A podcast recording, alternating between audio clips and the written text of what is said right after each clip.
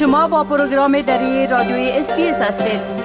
گزارشات عالی را در sbs.com.au دری پیدا کنید. امروز اول فبروری 2022 میلادی که برابر است با 12 دلوی 1400 خورشیدی مصادف است با روز سال نو چینایی سال نو چینایی که به نامهای سال نو قمری و جشنواره بهاری نیز یاد می شود از مهمترین تعطیلات سنتی مردم چین است. سال نو چینایی نه تنها در چین بلکه در کشورهای کوریا، ویتنام، ژاپن، مالیزیا و مغولستان و همینطور در بین دیاسپورای چینایی و آسیایی در سراسر جهان تجلیل می شود. تقویم و جشن سال نو چینایی تا چهار هزار سال قدمت دارد و امروزه یکی از مناسبت های مهم در سراسر جهان محسوب می شود. با توجه به اینکه چینایی ها از سال 1848 بدین سو در استرالیا زندگی می کنند، تجلیل از سال نو چینایی نیز بخشی ریشهداری از فرهنگ استرالیایی است. تقویم چینایی ترکیبی از تقویم شمسی قمری است که در آن حرکت ماه به دور زمین و زمین به دور آفتاب تعیین کننده روزها، ماهها و سالها هستند. بنابراین سال نو چینایی هر سال در تاریخ متفاوتی بین اواخر جنوری تا اواسط فبروری یا در طول ماه دلو در تقویم شمسی واقع می شود.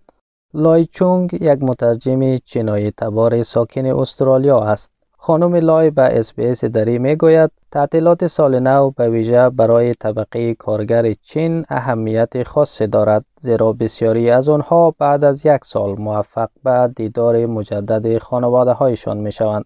هرچند جشن سال نو چینایی به مدت 15 شبانه روز از شب سال نو تا جشن فانوس در روز 15 هم دوام می آورد اما خانم لای می گوید که تعطیلات رسمی در چین فقط چهار روز است و در این چهار روز ده ها میلیون نفر از سراسر چین برای تجدید دیدار با خانواده هایشان سفر می کنند. وقتی در مورد دوران کودکی هم فکر می کنم چون در عموم وضعیت زندگی مردم مثل امروز خوب نبود و همچنین مردم در طول سال بسیار سخت کار می کردن این تنها زمانی بود که چینایی ها رخصتی داشتند دقیقا مانند خودم و پدرم من هنوز او را در جریان سال نمی بینم ما فقط زمانی می توانستیم پدرم را برای چهار روز ببینیم که سال نو چینایی فرا می رسید به این معنا که او در طول سال تنها چهار روز رخصتی داشت. غذا بخش بسیار مهمی از تجلیل از سال نو چینایی است.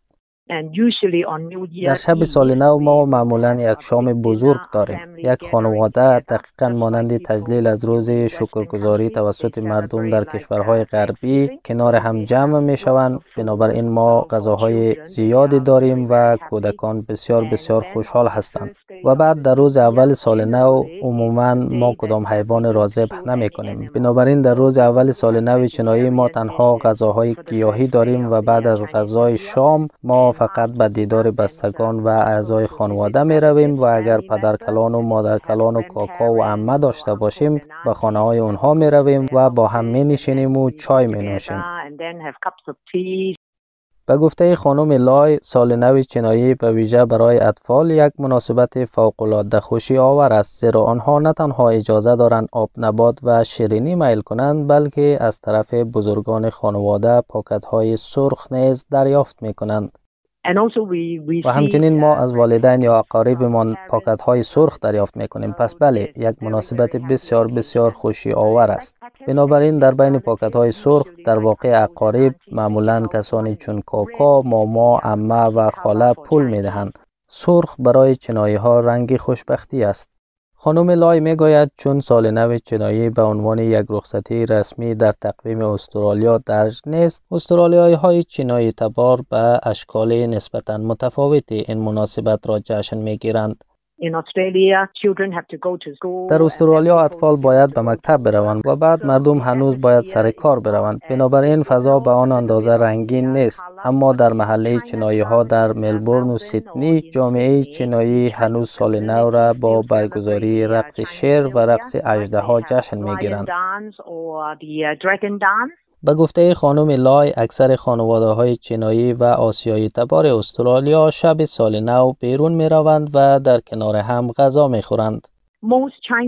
اکثر خانواده های چینایی بیرون می روند شاید به یک رستوران تا با هم شام بخورند و مردم هنوز پاکت های سرخ به کودکان و افراد مجرد می دهند تا زمانی که هنوز مجرد هستید شما واجد شرایط دریافت پاکت های سرخ هستید. اما به مجرد که ازدواج کنید شما باید به جای دریافت پاکت های سرخ آنها را به دیگران بدهید. او می‌گوید خیلی از استرالیایی های آسیایی تبار در این ایام برای تجدید دیدار با خانواده و والدینشان به زادگاهشان در چین، هنگ کنگ، سنگاپور، کوریا یا تایوان سفر می کنند. اما به دلیل محدودیت های ناشی از کرونا در سالهای اخیر از این سفر باز ماندند.